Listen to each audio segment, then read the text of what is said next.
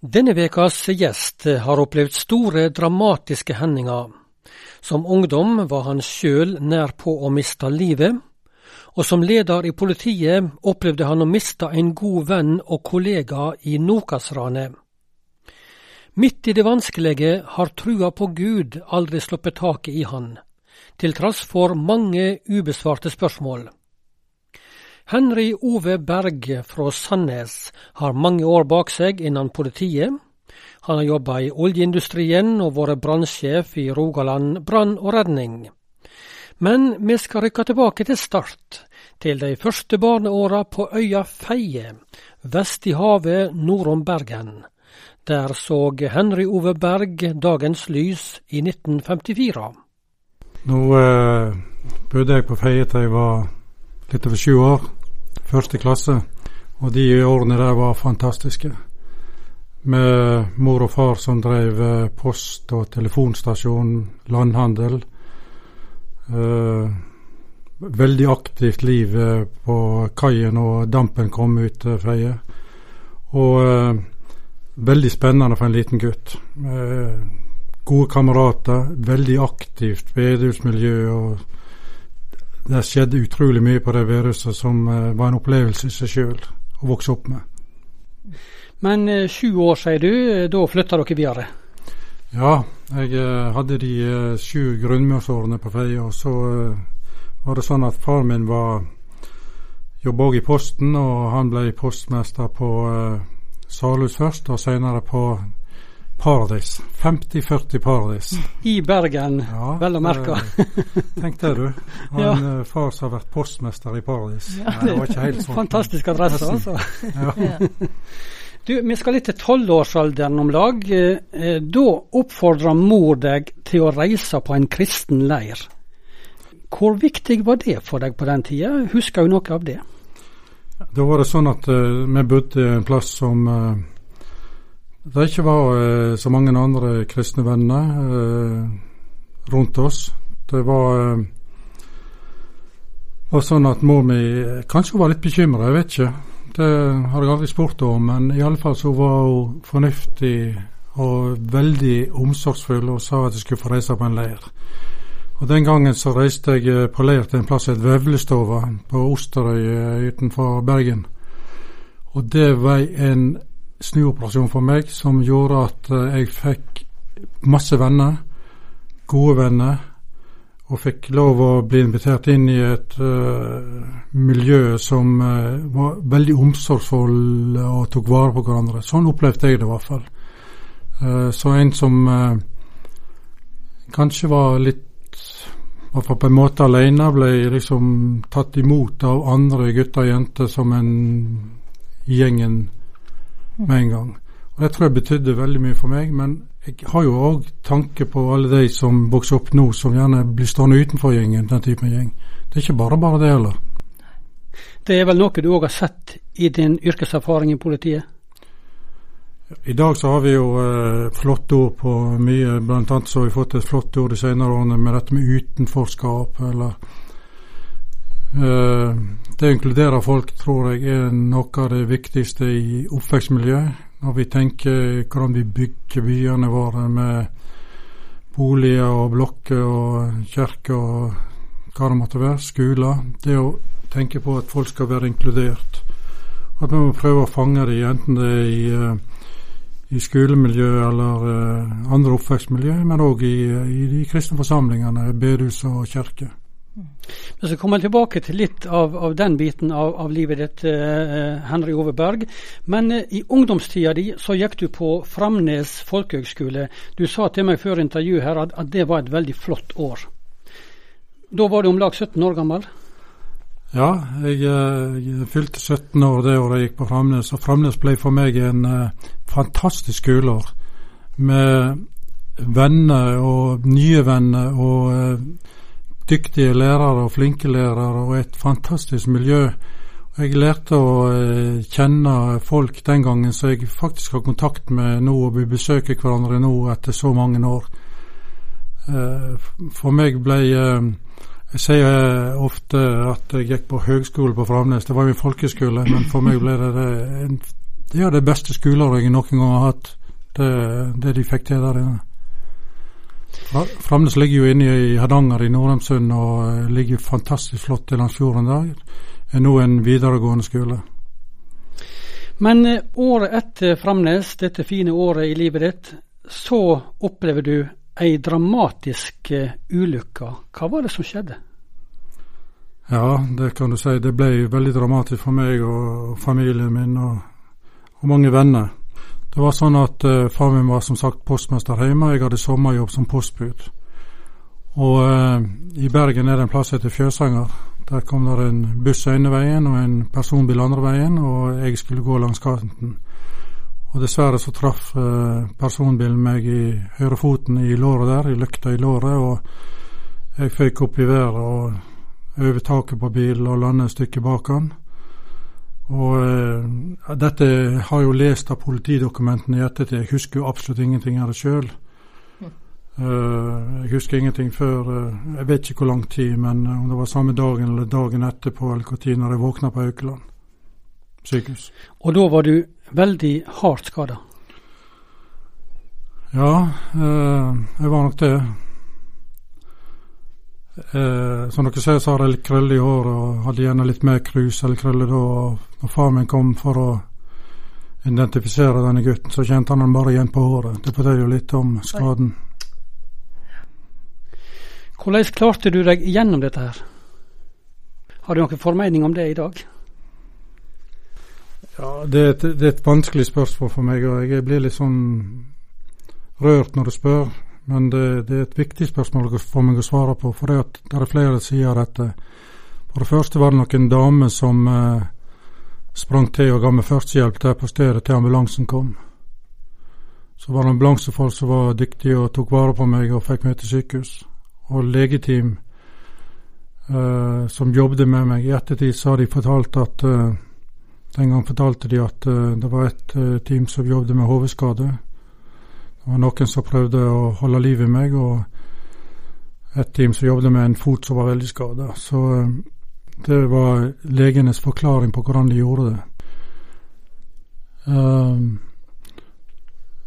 og um, det er klart at uh, når mor og far kom og de ser sin sønn ligge der, uh, når, jeg, når jeg våkna til sjøl og lurte på om jeg kom til å overleve, så uh, ikke det fritt for at det kan komme ei tåre i, i enhver øyekrok.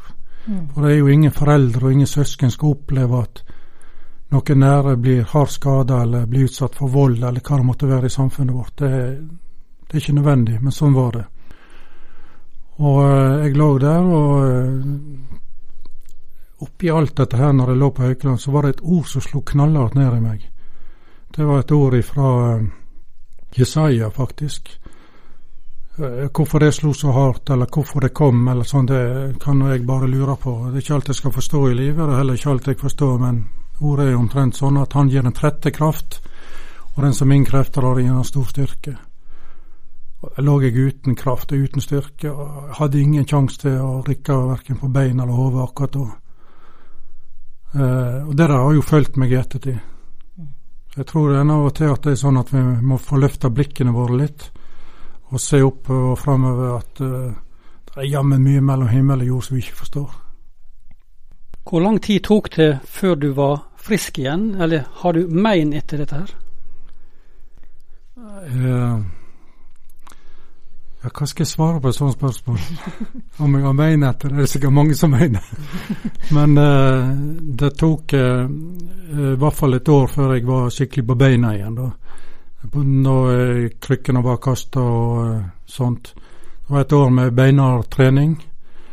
Og uh, så var det noen andre ting som gikk, uh, gikk lenger. Jeg, jeg, tror nok det at både hodeverk og andre ting har plaga meg i mange år, men på spørsmålet sånn fysisk, så tror jeg jeg kan si ca. et års tid. Henry Oveberg, du er pensjonert politi- og brannsjef i Rogaland. Og som ung så valgte du å utdanne deg til politi, og senere ble du brannsjef. Var, var, det en guttedrøm å være en mann i uniform? Det er et typisk eh, spørsmål fra jenter. Ja. Den har du hørt før? Den har vi hørt før. Nei, det var ikke det. Det var ikke det var ikke det som gjorde at jeg valgte det yrket. Jeg tror mer det har med politiets oppgave i et samfunn, både forebyggende sett og det å være med og La meg bruke enkle ord på dette. Rydde opp i ting som går gale. Mm. Har du trua noe å si for yrkesvalget ditt? Det, det, det spørsmålet tror ikke jeg har fått før. Nei. Eh, litt kjapt svar, kanskje feilt, men eh, det må være det å være til stede for andre, kanskje. Mm. Som politi så har du jo møtt mennesker i mange ulike livssituasjoner, og um, mange har kommet ut på en eh, kriminell løpebane. Eh, I hvor stor grad har du opplevd den jobben som politi, som har vært kanskje mesteparten av yrkeslivet ditt? Hvor, hvor stor grad har du opplevd det som meningsfylt å være politi? Jeg har opplevd det som veldig meningsfullt. Mm. Spennende og interessant. Mm. Uh, meningsfullt fordi at uh, politiet har en funksjon i samfunnet som er forebyggende. Det er jeg ikke i tvil om. Og når jeg tenker tilbake på kollegaene mine, de flotte kollegaene, alt det de har gjort for at mennesker som sliter med seg sjøl og havner borti kriminalitet, skal komme ut av det igjen. Mm. Og det var vel noe av det flotteste vi hadde i politiet, at uh, mange jobber forebyggende og ville eh, hjelpe folk ut av kriminaliteten igjen, og i det, det daglige politiarbeidet. Altså når du ser en politipatrulje uh, som kjører i gatene våre eller i bygdene våre, så er jo de der òg til stede for at det ikke skal skje kriminelle mm. handlinger.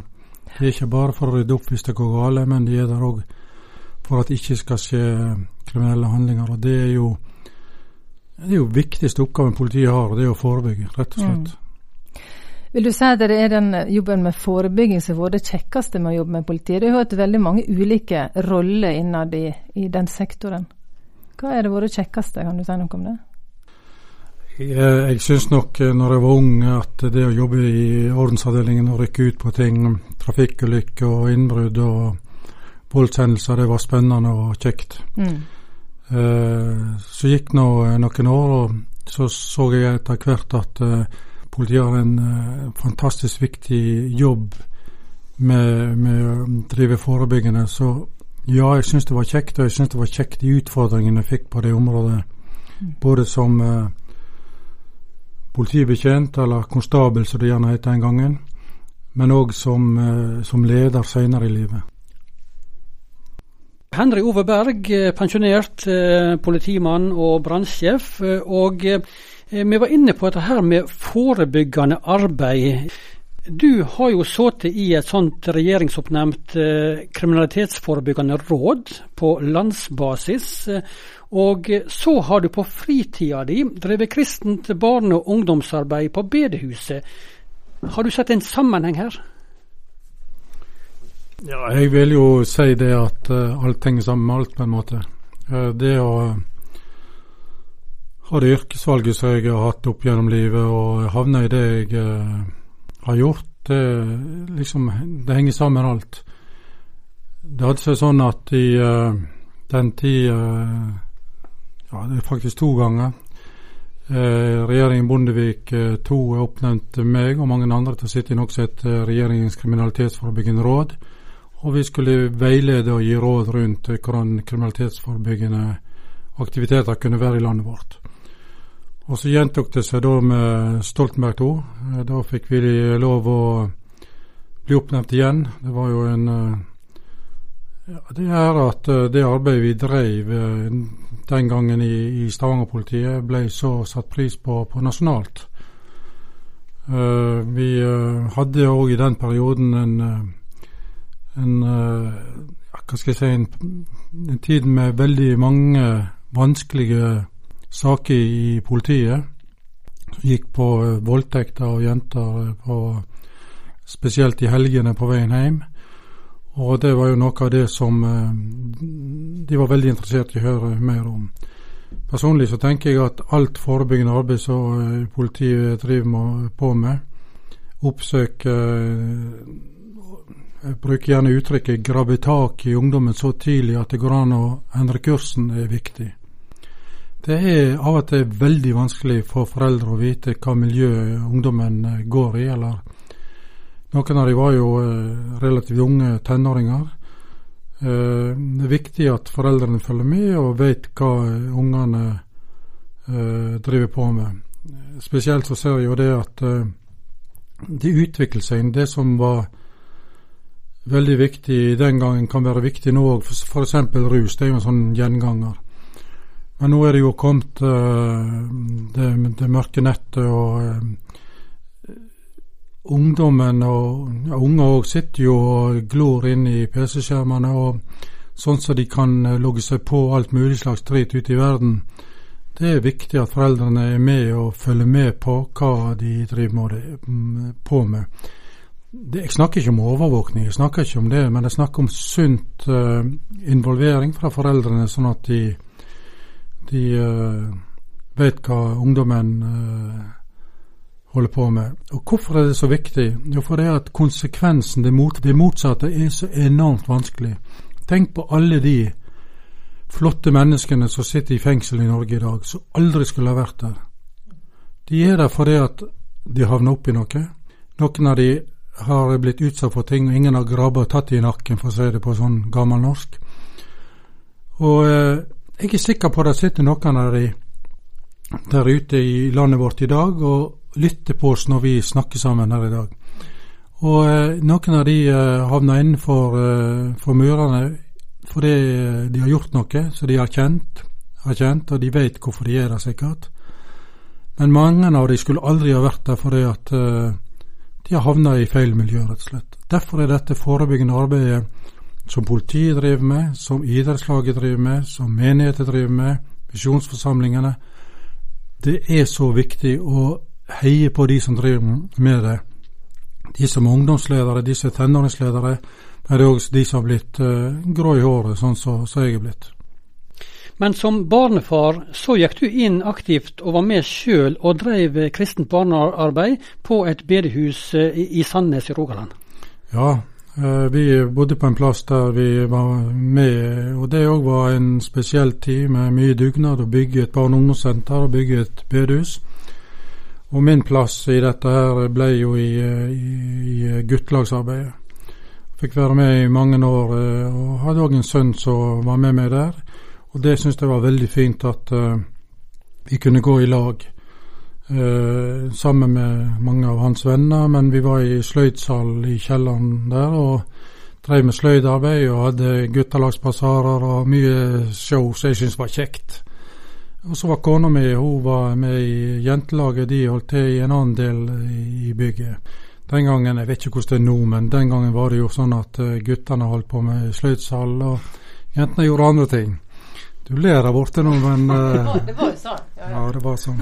Sånn er det vel kanskje nå òg. Vi har litt forskjellige interesser. og Noen liker å mekke på mopeder og motorsykler, og noen liker sløyden. Og mange liker data. Ja. Men, eh, men, så du på dette, her, tenkte du at nå er jeg med på å forebygge noe som kan utvikle seg til noe negativt? Ja, det tror jeg jeg gjorde. For det at hverdagen min i jobbsammenheng så møtte jeg så mye av, eh, av det eh, som eh, passa folk som det hadde gått gale for. Og eh, det hendte jo det at vi eh, fikk innom de òg. Og flotte mennesker som troen betydde mye for, brukte tid på de og fulgte de opp. og og hjalp de videre i livet. Det syns jeg er noe av det flotteste med dette arbeidet. Alt henger vel sammen med alt, og det handler jo mye om å skape et godt miljø for unger, sine egne unger gjerne, og deres venner, som uh, kunne være med og bety noe for dem. Gjesten på sendinga vår er Henry Ove Berg. Han bor i Sandnes i Rogaland. Han er nå pensjonist, eh, har jobba mange år i politiet. Han har vært brannsjef i Rogaland, og han har også jobba i oljeindustrien.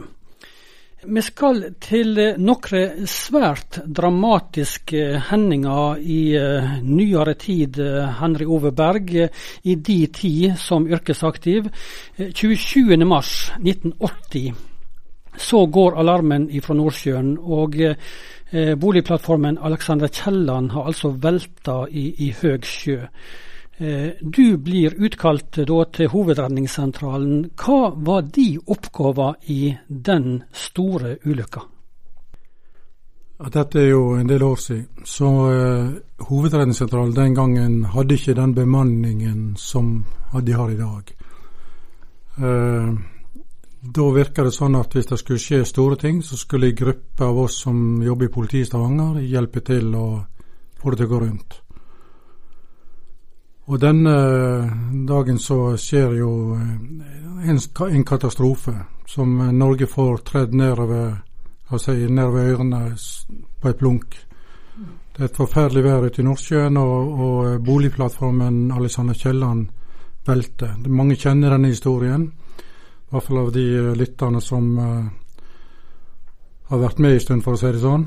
Uh, det blir eh, igangsatt en gigantisk eh, redningsaksjon fra Norge, og med bistand fra flere andre land. Min jobb var i grunnen eh, som unge politimann å reise ut og hjelpe de som jobba der. For det var så forferdelig mye som skjedde. Veldig mange meldinger som kom. både fra oljeindustrien sjøl, men internasjonalt. Og de store ressursene som var ute i havet. Og Min jobb var å være med og hjelpe til og holde styr på alle de meldingene som kom og gikk, sånn at de som den gangen var i ledelsen, kunne ta de rette avgjørelsene. Du var en relativt ung mann, rundt 27 år når dette skjedde. Henry Ove. Hvordan var det å komme nær en sånn katastrofe? Jeg tror nok det at uh, vi som ble sendt ut der, og de som var oppe i det, handla det veldig profesjonelt. Det å være oppe i det og iverksette de nødvendige tingene. og De redningslederne og den, ledelsen som var der ute, var jo som unge mann eh, veldig imponert over hva de klarte å mm. styre med. Men etter hvert så gikk det opp for oss at det var jo en svær katastrofe vi satt og prøvde å håndtere. Og denne katastrofen den eh, ramma jo utrolig mange mennesker de som var ute i havet, de som var pårørende, var hjemme. Eh, norske nasjon, regjering, eh, redningstjenesten, Forsvaret. Utrolig mange mennesker som ble involvert i å prøve å redde menneskeliv. Mm. Men òg eh, konsekvenser etterpå. De blir ramma skikkelig etterpå, miste sine kjære. Så skal vi noen år fram i tid, til eh, en vårdag i 1990. Da er altså danskeferja Scandinavian Star i brann i Skagerrak eh, natt til 7.4.1990, og 159 mennesker omkom. Der var òg du involvert i, i den eh, redningsaksjonen der? Ja, jeg husker det veldig tydelig at uh, sjefen min i politiet ringte og sa at Uh, du må reise ut på hovedredningssentralen med en gang. Og jeg uh, ble jo vekt i senga da, hvis jeg ikke husker feil. og må iverksette det vi har snakket om med pårørende. Og da hadde vi vi hadde lagd et oppsett på hvordan Hovedredningssentralen og politiet skulle jobbe sammen og bygge opp et senter for å svare pårørende på alle henvendelser hvis det skulle skje en katastrofe. Jeg husker enda det jeg sa det, ja, men vi har jo bare det på kladdeblokken. Ja, ta kladdeblokken med deg og kom deg ut. Ja. Og der reiste vi ut, og vi eh, iverksatte det pårørendesenter. Det var altså å sitte og ta imot telefoner for, eh, fra folk som var fortvila fordi at eh, deres kjære var ute i havet. Og når du skal snakke med folk og du ikke vet helt hva du skal si, for du forstår ikke helt situasjonen, og du vet ikke hvordan det de spør etter er, så er det vanskelig. Mm. Eh, det er vanskelig å eh, føre en samtale. Det, du prøver så godt du kan med å gi svar på spørsmål, og det kommer opp uh, spørsmål fra fortvila foreldre, fra ektefeller, fra, fra unger som ringer og spør etter sine kjære. Det var vel, eh, så vidt jeg husker, første gang vi gjorde det i, eh, i den sammenhengen. Men det er jo noe, et, et pårørendesenter er jo noe som utvikler seg eh, veldig i de senere årene. Altså etter en lærer, og så gjør en ting bedre, og så lærer en igjen, og så gjør en ting bedre. Uh, jeg tror det er mange som er glad for at vi har det systemet vi har i Norge i dag. At noen jobber med redningsaksjoner, redder mennesker, og andre tar seg av og følger opp eh, pårørende, sånn at de kan få best mulig hjelp og informasjon. Vi som ser dette på nyhetene, sånne katastrofer som dette her, vi skjønner ikke hva egentlig det innebærer, og hva apparat som er i sving. sant? Nei, det tror du har helt rett i. For det er veldig mange som trår til på, på, på, forskjellige områder når noe stort går galt. Eh, og dessverre så har vi i Norge òg hatt bruk for dette flere ganger. Både i min tid og etter min tid i uh, i, uh, i politiet eller brannredning. Så skal vi til uh, eh, 2004. Da skjer altså Nokas-ranet i Stavanger den 5. april i 2004. Det er altså i starten på påskeveka her. Og på den tid er du politistasjonssjef i Stavanger, Henry Overberg. Og du opplever det at en kollega og en venn av deg blir skutt og drept. Kan du sette noen ord på hvordan dette her opplevdes den aprildagen? Ja, det blir nok mange ord, men ett ord er forferdelig. Uh, Marit og jeg, altså Marit og kona mi og ungene, vi var på hytta vår. Og en god kollega ringte og sa hva som hadde skjedd. Og uh, kom ny telefon vel rett etterpå og sa at uh, Arne var skutt. Arne det var en dyktig, utrolig dyktig kollega og en nær venn av familien, en kompis. Og du vet, uh, akkurat som alt stoppa opp. Jeg fortalte Marit hva som skjedde, fortalte ungene og sa vi må reise med en gang. Vi bare tok det viktigste og kjørte hjemover. Og når jeg eh, kom meg til Stavanger, da, så sto jo ikke bare byen stille, men eh, merkelig stemning på arbeidsplassen. For det hadde skjedd et svært ran i byen vår. Men eh, vi hadde mista en kollega, og mista en kollega i politiet som som er et politi for alle. Altså du, du, må regne med å bli sendt inn i farlige situasjoner. Du må regne med at uh, det kan skje ting, men nå hadde det skjedd. Og det var beintøft. Da var jeg uh, politistasjonssjef i Stavanger. Uh, min sjef, politimesteren i, i, Rogaland, han backa jo veldig opp og var utrolig omsorgsfull og forsto hva som skjedde, både med meg som leder, men òg eh, et nært forhold til det som hadde skjedd på andre områder.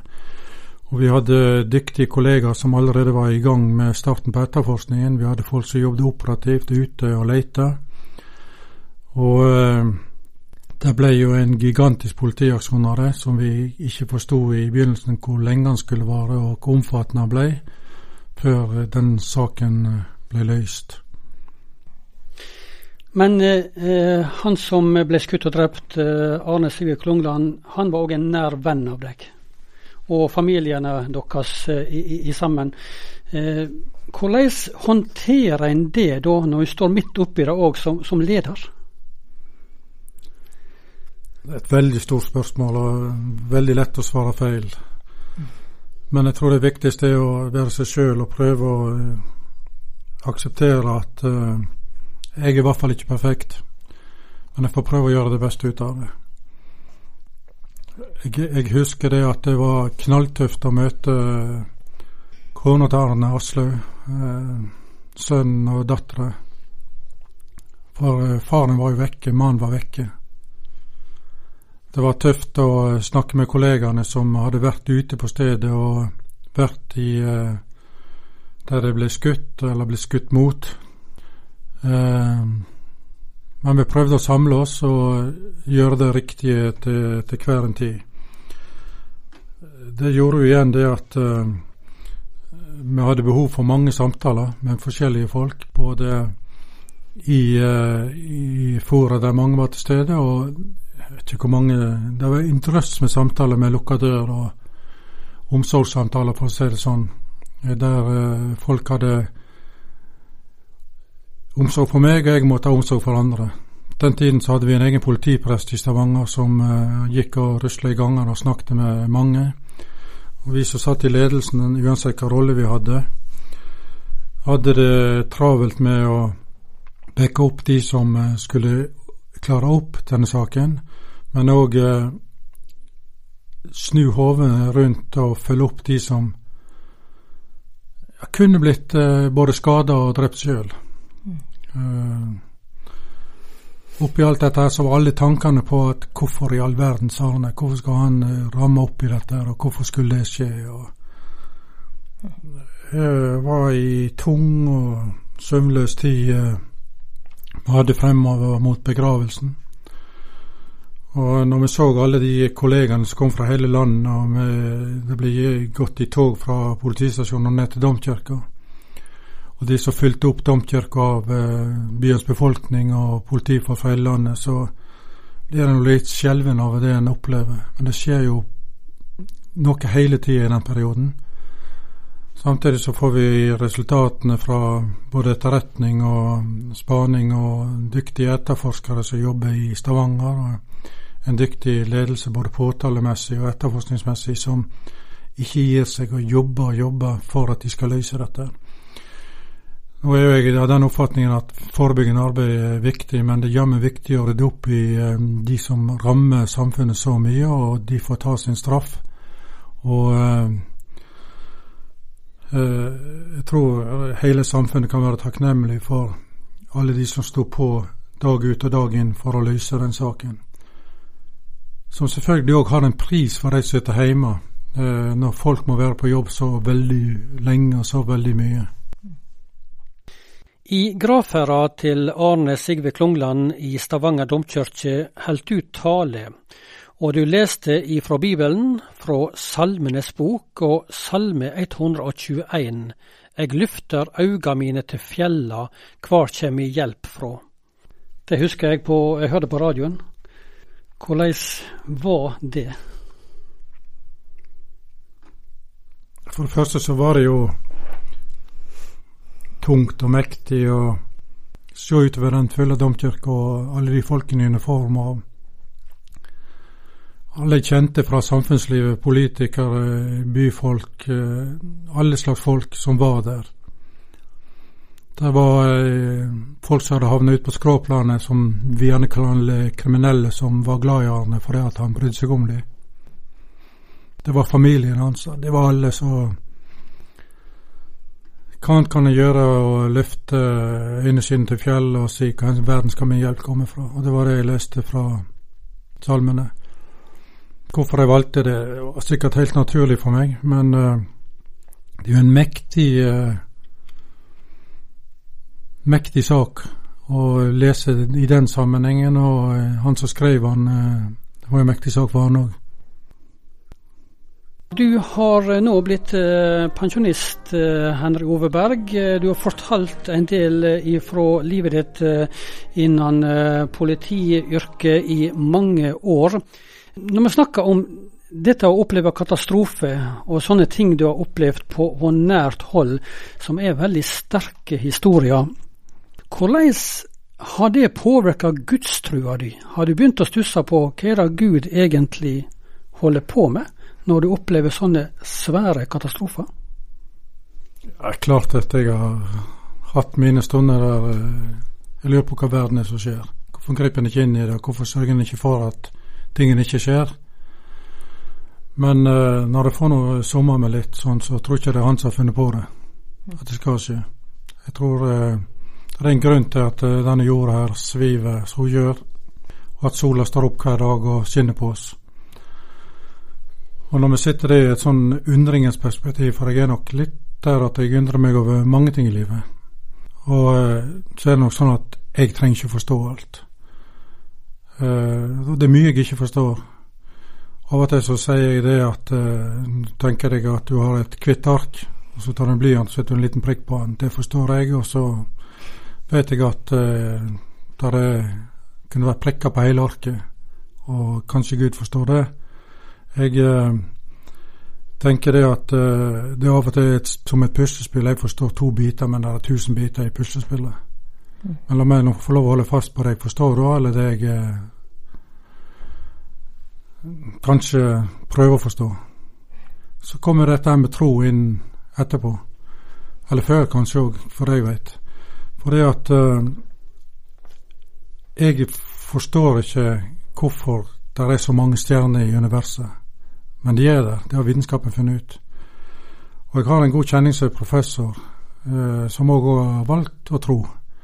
Og han har forklart meg litt om vitenskapen, hvordan uh, mange vitenskapsmenn tror òg, og mange ikke tror. men for meg så er det viktig å holde fast på det at uh, uh, det er så mye som tyder på at dette er riktig, at det bygger opp under mye tro. Uh, blomstene kommer på markene, dyrene blir født, menneskene blir født. Tider kommer, tider går. Jeg tror ikke dette kommer av seg sjøl.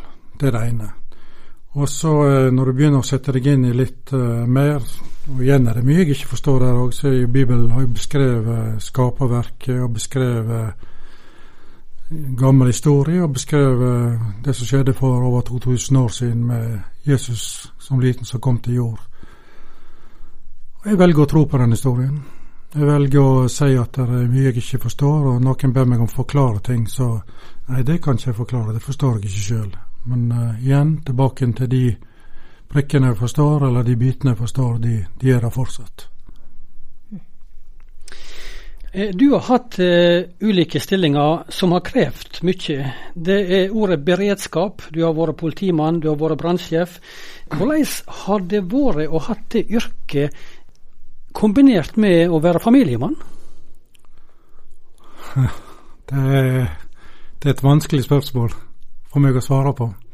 Men når du spør kona mi, så har hun hatt et godt svar. Og jeg tror det at det er for mange koner eller ektefeller eller samboere der ute, så har folk i beredskapsyrket ganske krevende av og til. Jeg er helt sikker på at min eh, kone, hvis jeg hadde hatt annet yrke, hadde blitt spart for mye. Stå igjen med unger som, eh, som eh, krever sitt og aleine stå igjen med søndagsmiddagen med gjester når jeg reiser meg og går idet gjestene setter seg ned. Jeg tror mange har hatt det sånn opp gjennom tidene, men det, det kommer selvfølgelig alt på uh, hva når en har jobba, hva yrke en har hatt innen beredskap. For det er jo klart at disse yrkene òg har blitt mer systematisert og uh, arbeidstidsregulert i, i nyere tid. Men jeg tror veldig mange eh, koner har uh, måttet ta en belastning med å ha sånne, sånne menn, og menn òg for de som har kone i sånne yrke. Du sa litt til oss på forhånd. Hvor viktig har Marit vært for deg sånn, når du har opplevd ting òg, når du har kommet hjem til henne, Henry Ove? Nå har jeg uh, hatt forskjellige yrker, og jeg uh, har ikke bare hatt yrke som har vært retta rundt uh, beredskap. Hatt andre yrker òg. jeg har hatt timer jeg har vært så sliten at når vi har gått tur, så har jeg følt hun har leid meg rundt. Mm. Hodet mitt har vært fullt i tanker på og igjen dratt med meg ting som jeg har opplevd og sett, som jeg ikke kan fortelle til henne, men hun forstår at det er noe. Mm. Så hun har vært en viktig støtte. Ja, og du ser at jeg blir litt rørt nå, fordi ja. at uh, vi har valgt å dele livet uh, sammen, men jeg tror ikke hun har valgt å ha en mann som har gått så mange ganger. Mm. Mm. Nå er du pensjonist. Eh, du er 67 år, Henry Ove Berg, og kan styre tida di mer sjøl. Jeg forstår at du har litt jern i ilden fortsatt? Ja, en uh, venn av meg sa det at jeg aldri vært så travel som når jeg ble pensjonist. jeg tror ikke det er helt rett når det gjelder meg, for jeg har mange gode stunder og kan disponere tida mi sjøl. Jeg jobber litt og uh, jeg er glad for at folk spør meg om uh, det jeg jobber med. Men uh, så har jeg valgt å engasjere meg litt i menighetslivet. og gi, På en måte gi litt tilbake igjen for alt jeg har fått av gode ting. Og uh, vi har valgt å engasjere oss i, i menighet her i Sandnes, som uh, har gitt oss mye som, som ektepar. Mm. Og så har du tre barn og åtte barnebarn som bor i forholdsvis nær omkrets? Ja, det er fantastisk at du får lov å kan være bestefar, besteforeldre, og ungene bosetter seg eh, i den byen, i den kommunen der du eh, bor sjøl. Og så opplever vi jo det at de kommer nærmere og nærmere, og det er stort for oss. Det er stort når de kommer innom etter skolen, når de, før de skal i fritidsaktiviteter. og ja, Vi er kjempeprivilegert. Det er ikke alle som har det sånn. og Jeg forstår de som uh, har de rundt om i landet, sånn som foreldrene mine hadde. Ja, det er stor kontrast.